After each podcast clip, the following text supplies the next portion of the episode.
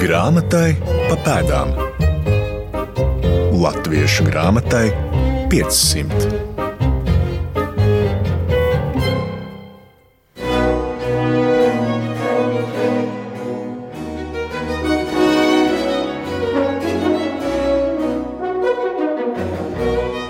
Esiet sveicināti raidījumā Grāmatai pa pēdām. Mans vārds ir Māra Rozenberga, un pašlaik jūs fonā dzirdat skanām 18. gadsimta Rīgas komponista Johana Gotfrīda Mīteļa mūziku. Atļaujiet šo nelielo ilustratīvo vaļību. Tomēr mīteļa daļrada nebūtu nav fona mūzika.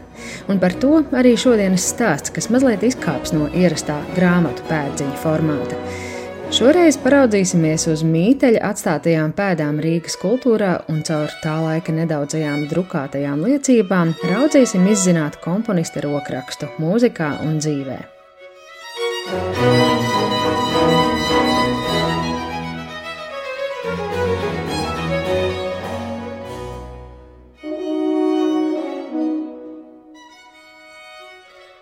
Tikko jūs dzirdējāt fragment no Johana Gotfrīda Mīteļa koncerta Fagotam Do mažorā, ko spēlēja Kesselberga ansambla. Viena no tā dibinātājām ir Bāzelē dzīvojošā baroka čeliste Ilza Grudule. Un izrādās, ka Kesselberga ansamblis 2004. gadā tika izveidots tieši Mīteļa dēļ. Neliels fragments no Ilzas Grudulas beneficas raidījuma Pērnruden Latvijas Rādio 3 klasika. Tā ir mana pasaule tas, kāpēc es eh, dibināju kopā ar dombiedriem Keselberga ansambli. Jā, tikai tāpēc, ka man likās, ka mīteļa mūzika ir jāspēlē, varbūt arī kā pienākumu mazliet tomēr. Bet arī tāpēc, ka man viņa likās tik ļoti daļa. Es atceros to brīdi Jāņa baznīcā, kad eh, skanēja mīteļa ērģeļa prelūdijas Un es sēdēju gaidot mūsu uznācienu ar Baha kantātēm. Es sēdēju un man bija asaras. Un es tajā brīdī es atceros, kā tik skaista mūzika, un šeit tik rati spēlēta, ne tikai šeit, vispār. Šeit, es domāju, Rīgu. Un tad es nolēmu, es domāju, jā, šim komponistam es gribu pievērsties ik pa brīdim. Nu, tā tas jau notiek jau tūlīt 20 gadus. Lai uzzinātu vairāk par Ilzas Grudulas atklājumiem mīteļa pētniecībā šo 20 gadu garumā, sazinos ar viņu Bāzelē. Un izrādās, jo vairāk pēta, jo vairāk nezināmā atklājas. Mītelis tā jau ir liela mīkla. Es, es galvu lauzīju kopš mūsu sarakstes ar ko te sākt un vispār pie kā ķerties, jo ir tik daudz vēl pēdu meklējams pats grūtākais, manuprāt, man ir šajā brīdī, kad te jāsaliek tā puzle kopā. Nav tādas vienotas, teiksim, informācijas vienā arhīvā vai kur tas viss ir izmētāts pa visām vietām. Un tajā laikā jau arī bija ļoti maz drukātu nošu un, un, un liecību. Tā kā jāiztiek ar to, kas ir. Un par to, kas ir, mēs arī šajā raidījumā runāsim. Pie sarunas ar Ilzi Gruduli atgriezīsimies jau pēc neilga brīža, bet pirms tam aiziesim nelielā ekskursijā uz vietu, kur Johans Gotfrīds Mītelis radīja vairumu savu skaņdarbu, un kopā ar vēl vienu šī raidījuma viesi, senās mūzikas pētnieku un diriģentu Māri Kupču, noskaidrosim, kā tad Mītelis vispār kļuva par rīdzinieku. Bet šobrīd mēs esam Rīgas Svētā Pētera baznīcā. Tieši pie ieejas kreisajā pusē ir granīta plāksne ar Johanu Gotfrīdu Mīteli.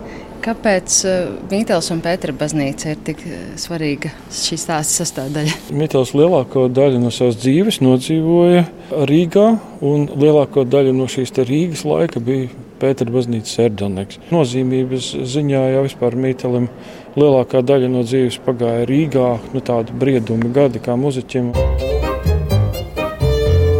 Grāmatai pa pēdām.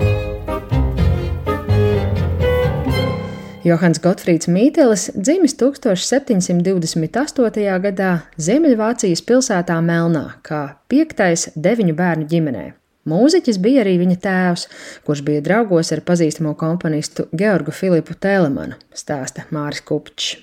Un telemāna tā kaut kāda gādība, vai kaut kāda tāda garīga krustēva, ja tā roka tur vispār jūt, jūtam ir ir mīteļa dzīvē. Tā ir izskaidrojums daudz, kas, kāpēc viņš atrod kaut kādu ceļu pie labiem skolotājiem, ja viņš ir eh, mācījies vēlāk arī mazliet pie kūna. Tad arī, dzen, protams, ka viņš noteikti ar, ar, ar telemanu ir ietekmēts. Tad tas slavenais gadījums, ka viņš jau strādājot Meklenburgā, tātad Šverinā, kā ērģelnieks. Viņ, viņš iegūst vietējās varas labvēlību un komandējumu studijām pie Baha, kas tolaik tiek uzskatīts par Vācijas nu, lielāko virtuozu ērģeļu un arī visu taustiņu instrumentu virtuozu. Un, Nu, nejaukt to, ka viņš netika uzskatīts tolaik par komponistu. Tam nav nekāda sakara ar kompozīciju kā tādu. Viņš noteikti devās papildināties šajā ērģeļa mākslā kā virtuos. Johanu Gotfrīdu Mīteli nereti dēvēja par Baha pēdējo skolnieku. Pats meistars gan tolaik jau bija neredzīgs un pēc trim mēnešiem devās mūžībā.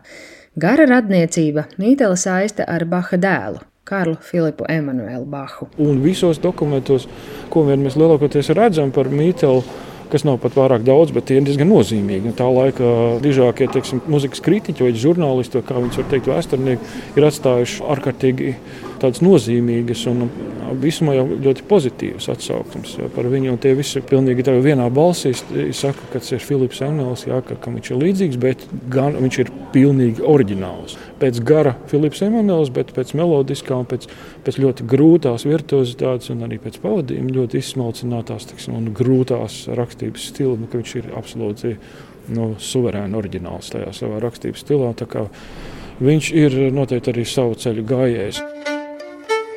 Rīgā Johans Gotfrīds Mītelis nonāk 25 gadu vecumā un pavada šeit visu radošo mūžu, kas noslēgsies 1788. gadā. Te komponēti gandrīz visi viņa sacerējumi, kuru nemaz nav tik daudz, tikai ap 30. Mākslas zinātņu doktoris Zanes Gailītas grāmatā par Rīgas mūziku un kumēdiņu spēli, kurā aprakstīta mūzikas un teātra dzīve Rīgā 16. līdz 18. gadsimtā, lasāms fragments no mīteļa pārdomām par radošo procesu. Tas atrodams 18. gadsimta ievērojamā angļu mūzikas kritiķa un ceļotāja Čārlza Bērnija muzikāla ceļojuma dienas grāmatā. Atklājam tekstus! Daža lieta, ko labā omā un gaišā stundā esmu uzmetis, ir tikai pamats un gaida uz laimīgāku gara dispozīciju, lai tiktu tālāk veidota, jo es nelabprāt strādāju, kad uz to nenesas prāts. Šī īsti labvēlīgā noskaņa darbam manī uzrodas reti. Vispār es neesmu apmierināts ar komponistiem, kas raksta gandrīz nepārtraukti. Gars nogurst, kļūst miegains un truls. Tādā gara nespējā un kūtrībā visbiežāk sevi aplaupa, pašam nezinot un nemanot. Ar vienu vārdu sakot, atkārtojas. Ja būtu taupīgāks un strādātu tikai tad, kad gars ir atpūties un pilnībā atbrīvojies no iekšējām domām, tad varētu gudrot un rakstīt pa jaunam un būtu mazāk nevarīgu un miegainu darbu. Čeliste un mīteļa pētniece Ilza Grudula šo vērtē kā nozīmīgāko drukāto liecību līdzās notīm, kas liecina par mīteli viņa laikā. No turienes arī daudz dzirdētā leģenda, ka mītelim paticis spēlēt tikai ziemā. Un tur viņš citē, it kā citē mīteli. Vai tas tiešām ir mīteļa teiktais, tas, ko tas Bernija, Čārlis Bernija viņa sauc. Vai tiešām to arī mītelis ir teicis, to mēs nezinām. Bet tur ir tas slavenais, tas viņa teksts, ka mītelim labāk patīk spēlēt ziemā, jo tad Rīgas bruģi klājas sniegs, lai netraucētu viņa maigām klavikorda skaņām. Tur varētu būt izskaidrojums, kāpēc ir vajadzīgs tas sniegs, jo klavikords ir tik šausmīgi kluss, ka tur tiešām tu tā vairs nav oriģinalitāte. Tur jau vispār skaļi elpot nedrīkst pie tā instrumenta. Jā, jā, jo tas ir tik ārkārtīgi smalks, ka tur ir tādas nianses, teiksim, tur noteikti kaut kāda 46 piano teiksim, gradācijas iespējams. Jā, bet nu, pietrūkst tāds varants kaut kāds skanējums.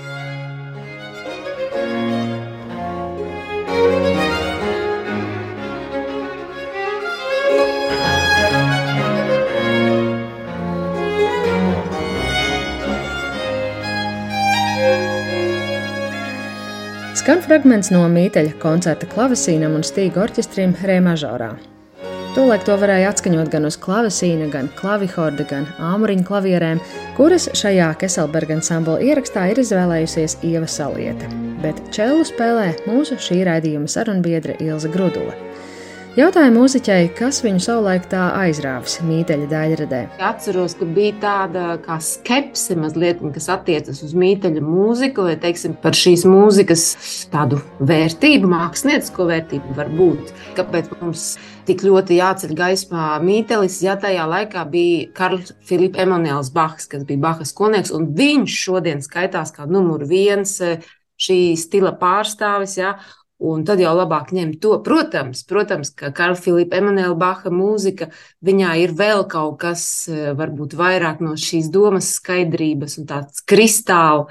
Tur nav nekas liekas. Tā ziņa nolasās eh, diezgan skaidri. Un Mītelim viņš ir tāds, viņa mūzika ir ļoti daudz slaņaina, viņa ir tāda smaga, tur ir tāda zemes garša arī iekšā. Un tāpēc varbūt mīteļa mūziku spēlēt nav viegls uzdevums. Un arī klausīties no, nav vienmēr viegli. Arī klausīties nav viegli, jā. Bet es tā domāju, ka es ticu, ka, ka publika nav arī jānovērtē par zemu. Es zinu, ka ir ļoti daudzi, kuriem publikā, kuri nāk un klausās, un kuriem patīk tas, ka viņi nesaprot.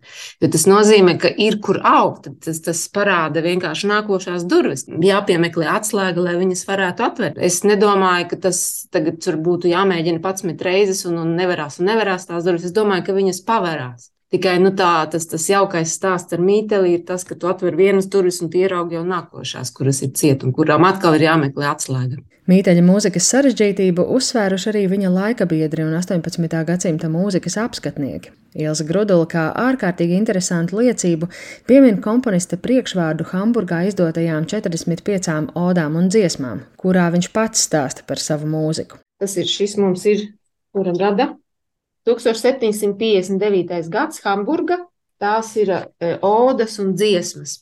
Šāds te izdevums, un tur ir priekšvārds. Un tur viņš e, raksta par to, kā viņš sacerējis, kādas ir bijušas viņa grūtības, par ko viņš ticis kritizēts par iepriekšējiem viņa sacerējumiem. Ja? Un šajā priekšvārdā viņš min man tiek pārmests, man toreiz pārmeta kaut ko, ka es tur pārāk sarežģīti kaut ko tādu.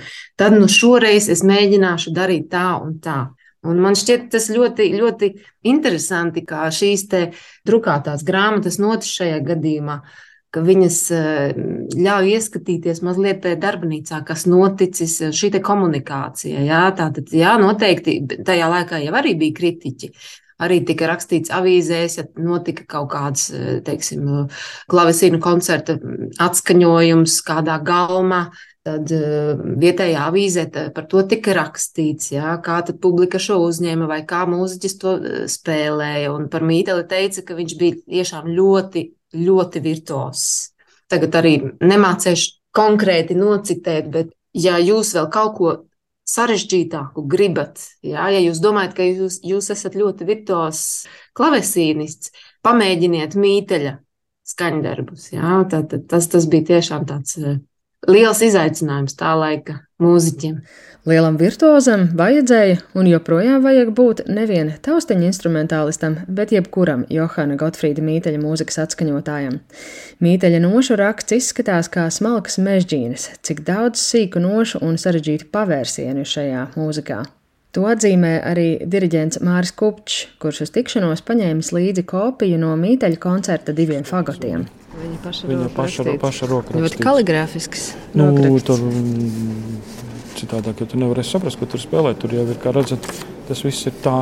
Tādā jaunaudzē, pilns aizaudzis ar visam tik daudz notēm, tas viņam ļoti rakstīts. Viņam ļoti daudz izrotājumu. Viņš ir, viņš ir tik izsmalcināts, ka viņam būtībā tie, tas viss, tas pasāžas, tie, tie ir to laiku nu, ornamenti. Tātad viņš jau arī ir viens no tiem, kas neļauj no sevis klāt uh, izpildītājiem likt daudz, bet viņš jau ierobežoja. Viņš jau visu jau ir izornamentējis, jo viņš zina pareizi, kā tas stils ir. Tāpēc viņš tik ļoti grūts patīk kontrolēt. Nu, tas viņš ir kontrolfrīks. Jā, to tā varētu tulkot mūsdienās noteikti. Kas šis ir par skaņdarbs? Tas ir tas uh, divu fagotu koncepts, partitūra.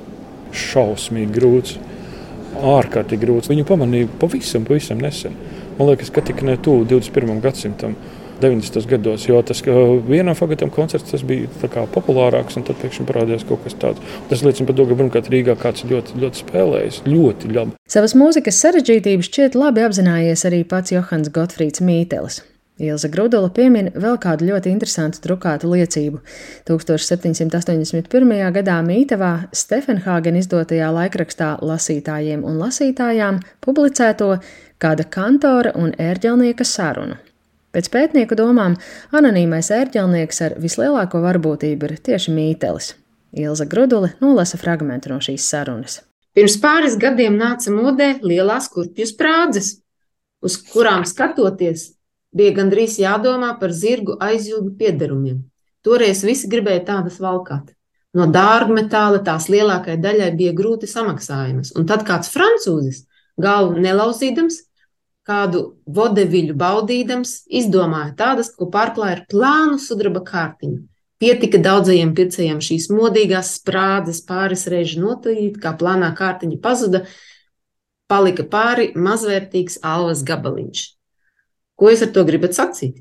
Neko vairāk kā pārliecināt jūs par jūsu secinājumu aplamību, vai sprādzes bija labas, jo viņām bija daudz pircēju. Nu, lūk. Tādi jautājumi tiek uzdoti lasītājiem. 1781. gadā Mītavā tad Mītels jau pats arī tīri labi apzinās, ka tā viņa mūzika nebūtu nav viegli klausāma un uh, nav tāda popmūzika, uz ko nāks visi. Un Tieši tā. Viņš to uzskata par vērtību. Es domāju, ka viņš, viņš bija tāds sava veida misionārs. Tā audzināt. Grāmatai pa pēdām.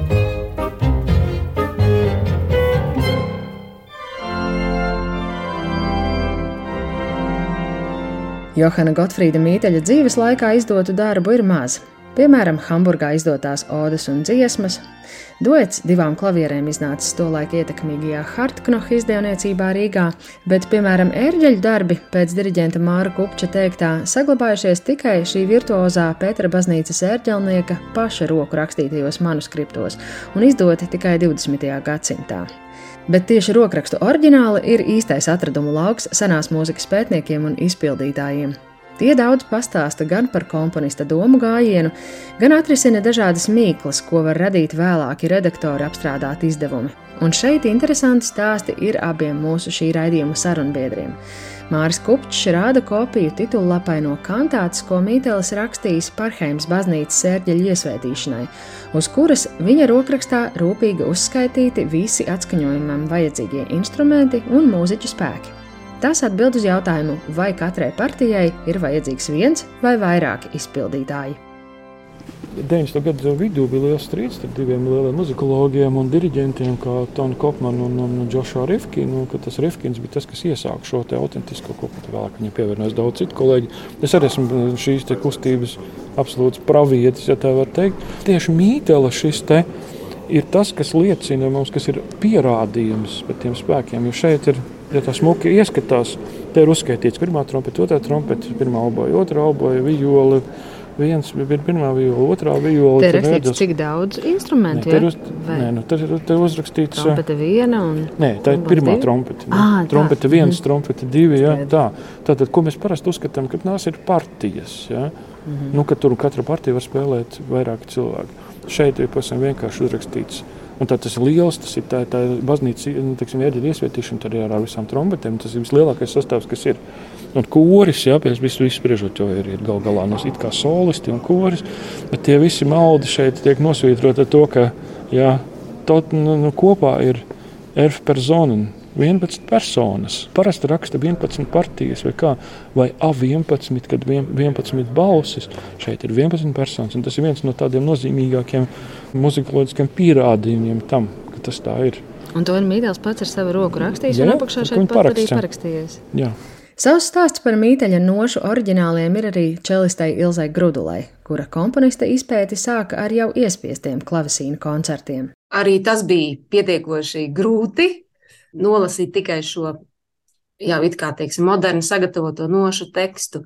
Bet pēc tam es nonācu pie tādas domas, ka tomēr labāk ir ņemt to tiešām to rokrakstu, ka tur dažas lietas katrs redaktors jau interpretē sīkumus, kuri pēc tam tieši tie ir tie izšķirošie izējot no savas pieredzes, pamatotās pieredzes. Tur, kā saka, viss ar tiem izdevumiem, viss, viss ir ļoti skaisti. Un, bet man šķita tomēr interesanti paskatīties viņa pierakstus, autogrāfus no Berlīnes valsts bibliotekas arhīva.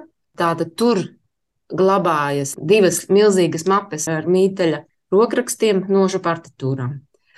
Tagad jau šodien mēs varam, neizejot no mājas, to visu apskatīt internetā. Tas viss ir digitalizēts un, un, un tas ir liels skaistums. To rokrakstu, piemēram, apstīties, tas, tas jau arī daudz ko liecina. Kā cilvēks pieraksta, cik smalki viņš raksta, cik precīzi, cik viss ir skaisti saorganizēts tajā vienā taktī, visas tās smalkās notiņas un, un tad apzīmējumi tādi, ko tikai viņš lietoja. Tas arī tā interesanti ir. Kas ir tas, ko tikai viņš lieto? Kas ir tās viņa raksturīgās īpašības? Piemēram, viņam tāda zīme, ko e, mūsdienās, vai, teiksim, vai citi komponisti izmanto kā senjo. Tas ir tā zīme, kur nu, jāpārliek citu vietu partitūrā. Tā ir tāda zīme, ko patreiz ir pieņemta viena zīme, ko izmanto šādās situācijās. Un mītlis to zīmē pavisam savādāk. Viņam ir teiksim, tāds dubults tāds krusts un tādi punktiņi salikt. Un tā kā tāds auseklītis mazliet um, ar punktiem. Lūk, un no sākuma es tā, es tā samulsu, kas, kas tā pa zīmi ir. Es neesmu redzējusi nevienam citam arī, piemēram, tādu pierakstu. Nav gadījies. Varbūt kāds ir to pielietojis. Lūk, un tad es sapratu, ka tā ir vienkārši tā seņo zīme. Tas ir zīme, ka šajā vietā jālec ir uz citu vietu, un pēc tam jānāk atpakaļ šeit pat, vai teiksim, nu tā. Tādas lietas. Tad, kas vēl ir interesanti, pētot uh, rokrakstus, kā pieraksta instrumenti nosaukumus, tas arī norāda uz to, kādi šie instrumenti varētu būt bijuši. Jo tajā laikā jau piemēram, fagoti. Jā. Tas bija tāds liels pārmaiņu laiks, ja tā tad 18. gadsimta vidus, teiksim, otrā puse. Tur tika izdomāti fagoti, jauni modeļi, tur mm, kaut kādi uzlabojumi. Un no šiem nosaukumiem, ko komponists ir rakstījis, tad mēs varam saprast vai nojaust, ka varbūt tur vienā skaņdarbā bija šie vecie fagoti. Es tagad par fagotiem runāju. Un tajā nākamajā Tur jau varētu būt bijuši jau tie modernie, tie, kas tur eh, bija nesen izgudroti un uzlaboti. Lūk, tas ir tas interesantais. Svarīgā grāmatzīme. Vairums Johana Gotfrīda Mīteļa nošu partitūru šodien glabājas Berlīnē, nevis Rīgā. Māris Kupčs stāsta, ka tās vēlāk nopircis un Vācijā nogādājis vācu mūziķis un kolekcionārs Georgs Pēlhavs bet mītelis ir un paliek spoža parādība tieši Rīgas 18. gadsimta otrās puses mūzikā, un šodien viņa vārds ir iekļauts arī Latvijas kultūras kanonā. Kādēļ? To kultūras kanona mājaslapā pievienotajā video trāpīgi pamato mūzikas žurnālists Orests Silabriedis. Bija cilvēki, kas eh, šķita visai uzjautrināti par to, ka Latvijas kultūras kanonā ir iekļauts Johans Gutfrīds Mītelis. Nu, jā, no vienas puses, nu, kāds viņam sakars ar Latvijas mūziku, no otras puses, manuprāt, ārkārtīgi ciešs un pierādījums tam ir, piemēram, pasaules slavenais obojas un diriģents Heinz Holligers, kad viņš Rīgā uzstājās ar pirmskoncertu sarunu Viņš cits starp izmet, jā, un jūsu mītelis to un to un to. Tātad visā pasaulē mīteli uzskata par mūsējo. Nu, kāpēc mēs no viņa atteiktos? Mūzikas vēsturē tas ir ārkārtīgi interesants posms. Ir pilnīgi beidzies baroka laikmets, ar Bahu Hendelu noslēdzies, un vēl īsti nav pamodies klasicisma gars. Tad Haidns un Mocards arī vēl tikai plaukst. Un pa vidu ir kaut kas vidējs starp rokoko jeb galanto stilu un šo te Empfinzāmkeit, kas ir tas ugunīgi jūtīgais mūzikas stils. Ekvivalents literatūrā tam ir Sturm un Drang, un daudzi uzskatīs, ka Rīga ir viens no Sturm un Drang virzienu šopuļiem literatūrā. Nu, lūk, un kaut kas līdzīgs mūzikā ir šis Johans Gotfrīds Mītelis, Ziemeļvācu baroka tradīcija, viņa draugs Karls Filips Emanuels Bachs, Johans Sebastians Bacha dēls. Lūk, šis mūzikas virziens, kas nedzīvoja ilgi, bija tomēr ļoti, ļoti spilgts. Tas ir nevis tāds eh, mākslīgi lietots epitets šobrīd, bet visa šī mūzika balstās uz ļoti spēcīgiem afektiem, uz afektu kontrastiem. Respektīvi, klausoties, nemirkli nav garlaicīgi, jo tu nekad nezini, kādu joku komponists izspēlēs. Un es domāju, ka šeit liela nozīme tieši runājot par Johanu Gutfrīdu Mīteli ir viņa tam temperamentam, kādu mēs to iztēlojamies. Jo ir zināms, ka viņam bijušas visādas kaprīzes, nu, tas slavenais mētelis ar sarkano oderi. Jā, iztēlojamies, kā viņš pa vecrīgi plivinās šādā mētelī, iespējīgā, un kā viņš ir eh, muzicējis ziemās un vasarās atteicies, jo tad ratu rīboņi traucēja muzicēšanas smalkumus. Viņš pats ir bijis izcils improvizētājs, tādas ziņas ir. Nu, diemžēl viņa skaņdarbu nav daudz to, kas ir saglabājušies līdz mūsdienām. Bet tie, kas ir, tās ir dziesmas un tie ir instrumentālie koncerti, liecina, ka šis cilvēks ir bijis raksturā droši vien nepārāk vienkāršs, bet noteikti ļoti temperamentīgs. Es domāju, ka ar viņu varēja būt ārkārtīgi interesants sarunas. Beig beigās cilvēks, kurš tik ilgi ir bijis mūsu Rīgas svētā Pētera baznīcas ēģelnieks, nu, tomēr šķiet, ka būtu uzskatāms par mūsējo. Un, ja vēl viņš ir viens no retajiem ļoti spilgtajiem šturmu un drāngu virziena pārstāvjiem mūzikā, ko tiešām zina visā Eiropā un liek mācību grāmatās, tad es domāju, gribētu teikt, ka vēl pirms Latviešu nacionālās mūzikas sākumiem mēs gribētu gan viņu, gan arī mēderu, gan arī vēl citus uzskatīt par savējiem un godināt. Un Rīgā ir eh, piemiņas plāksne, Pēterbaznīcā to katrs var apskatīt. Domāju, ka ar draugu un paziņu palīdzību var ļoti labi tikt arī pie notīm. Iepazīstiet mīteli, jūs nebūsiet vīlušies.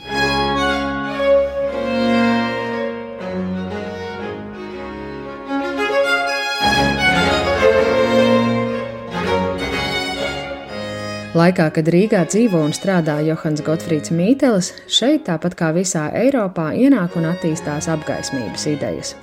Savas filozofiskās domas pamatus te briedina mīteļa vārda brālis Johans Gotfrīds Herders, iznāk vecās stendera grāmatas, straujas apgriezienus uzņem Stefenhāgenu izdevniecība. Un šie ir tikai daži no mūsu vēstures stūrakmeņiem 18. gadsimta otrajā pusē, par ko esam stāstījuši citos cikla grāmatai pa pēdām raidījumos. Noslēgumā vārds čelistei Ilzai Grudulai par komponista mīteļa nospiedumu Latvijas kultūras vēsturē šodienas acīm raugoties. No vienas puses ļoti specifiska iet runa par instrumentālā koncerta formas izveidi, jo viņš veic ļoti lielus eksperimentus, principā aizsāka tādas reformas tieši par instrumentālā koncerta formu, par iespējām. Viņš negāja to vieglāko ceļu. Viņš Teiksim, tas ir tas viens tīri konkrēti instrumentālā koncerta izveides e, ziņā, kas ir vēl interesanti, manuprāt. Viņam ir šīs manis pieminētās dziesmas, kas ir izklāsta ziņā ļoti vienkāršas melodijas. Tur ir tikai divas līnijas, melodija un basa līnija ar nelieliem izrotājumiem. Un tad ir instrumentālā koncerta partitūras ļoti sarežģītas, kompleksas un atkāpes no šiem standartiem. Un man liekas, ka tas ir interesanti, ka vienā mūziķī satiekas šīs divas ekstrēmās - tāda vienkāršība un sarežģītība. Un man liekas, ka tur ir tas, ir tas laiks, Herders un tās jaunās vēsmas, kas ir filozofijā, mākslā, literatūrā. Un Mītels bija šo jauno vēsmu pārstāvis Rīgā. Un viņš šīs vēsmas ienesa, tās nu ir mūsu kultūras eh, sastāvdaļa kļūsi. Un es domāju, ļoti, ļoti ietekmējis arī pēc tam romantismu, nacionālo atmodu, teiksim, ja mēs skatāmies. Un veido arī jūsu Keselberga ansambla repertuāra pamatu no nu jau vairāk kā 20 gadu ar visu to, cik maz to kompozīciju ir bijis vai saglabājies vismaz līdz mūsu dienām, joprojām viņas jums ir interesantas un gribas to turpināt spēlēt. Jā, tas gan, tas gan. Ir vēl daudz darāmā. Neskatoties uz to, ka tie ir tikai tādi atsevišķi skaņdarbi, viņi ir ļoti, ļoti interesanti. Ļoti interesanti. Es atklāju ar vienu jaunu šķautnes, ar vienu jaunu sasauksmi, ar to laiku, ar citiem komponistiem. Ļoti, ļoti paliek ar vien interesantāk. Ar to arī izskan raidījums grāmatai pa pēdām, kurā šoreiz devāmies pa pēdām komponistam Johanam Gotfrīdam Mītelim un drukātajām liecībām par viņa laikmetu un personību. Paldies maniem sarunbiedriem Ilzai Grudulai un Mārim Kupčam, Raidījuma padomdevēji ir Latvijas Nacionālā biblioteka un Latvijas Universitātes akadēmiskā biblioteka. Bet nākamnedēļ raidījumā meklēsim liecības par grāmatu izdevēja Niklausa Molīna izdevumiem un laikaviedriem. Molīnam veltīta Latvijas Nacionālās bibliotēkas viesizstāde pašlaik skatāma prestižajā Antverpenes Plantēna Morteusa muzejā. Grāmatai pa pēdām Latviešu grāmatai 500.